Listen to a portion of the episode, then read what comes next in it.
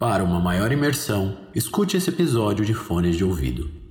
Bem-vindos ao podcast Pesadelos. Antes de começar o episódio, não se esqueça de nos seguir no Instagram, pesadelos.cast, no Twitter, pesadeloscast e curtir a nossa página no Facebook. Caso queira contribuir para o crescimento do podcast, acesse apoia.c pesadelos. Aproveite o episódio e tenha bons pesadelos. Compre já sua camiseta na loja Dimensão Nerd. Usando o cupom Pesadelos você ganha 5% de desconto. Bora pro episódio.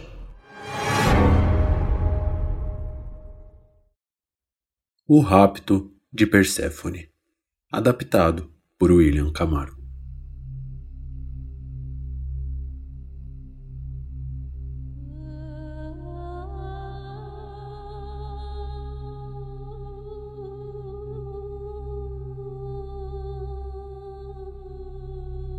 Na longínqua Grécia Antiga, a fome castigava os gregos naquele duro inverno. Nem o mais fértil dos solos trazia alimento para os homens, nem mesmo a mais saudável das vacas sobrevivia para dar leite. Foi quando uma pobre criança perguntou a seu pai: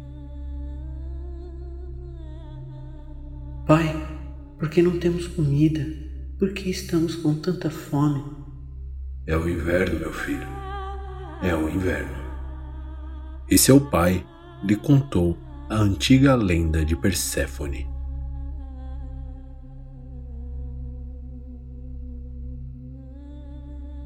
Responsável pela fertilidade dos grãos e, por consequência, pela obtenção de uma boa colheita, Perséfone é a deusa da agricultura e da vegetação.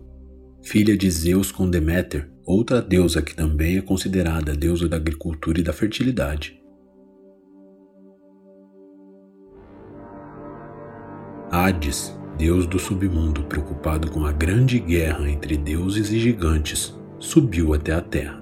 Hades deixou seu reino para verificar a batalha que estava sendo travada na terra entre deuses e gigantes. Isso porque Hades temia que essa disputa fizesse com que o submundo ficasse exposto aos raios solares.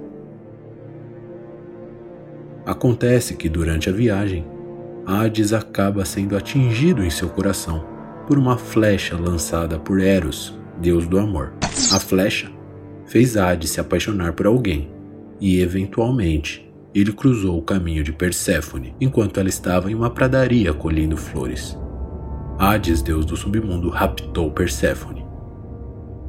Deméter, sua mãe, ficou desesperada com o sumiço da filha. Ela procurou sua filha por dias até que Hermes lhe contou o que havia acontecido.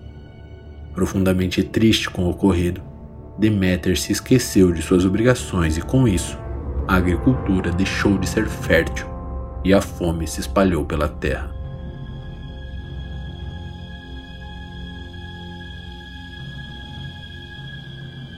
Desolada com o rapto de sua filha, a deusa se sentou em uma pedra e passou dias chorando, disfarçada de uma velha, e acabou sendo abordada por um homem e sua filha que a convidaram para jantar em sua residência.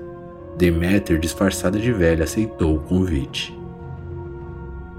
O homem chamado Celeus era casado com Metanira. O casal tinha um filho que estava gravemente doente. Seu filho doente chamava-se Demofonte e acabou sendo curado por Deméter com um beijo da deusa.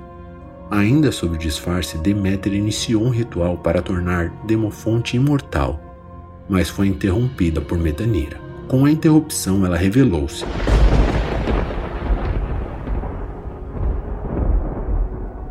E anunciou que, por conta da interrupção, um templo deveria ser construído em sua homenagem na cidade de Eleusis.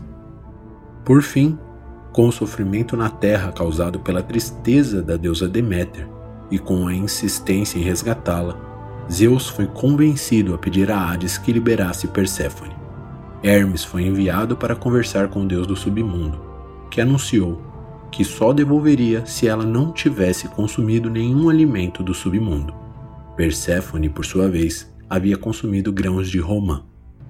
Hades então fez um acordo. Em uma parte do ano, Perséfone ficaria no submundo e na outra ficaria na terra com sua mãe. Desde então, Quando Perséfone está no submundo, sua mãe chora e temos o outono e o inverno. Quando Perséfone é levada para o Olimpo, sua mãe fica feliz e temos a primavera e o verão.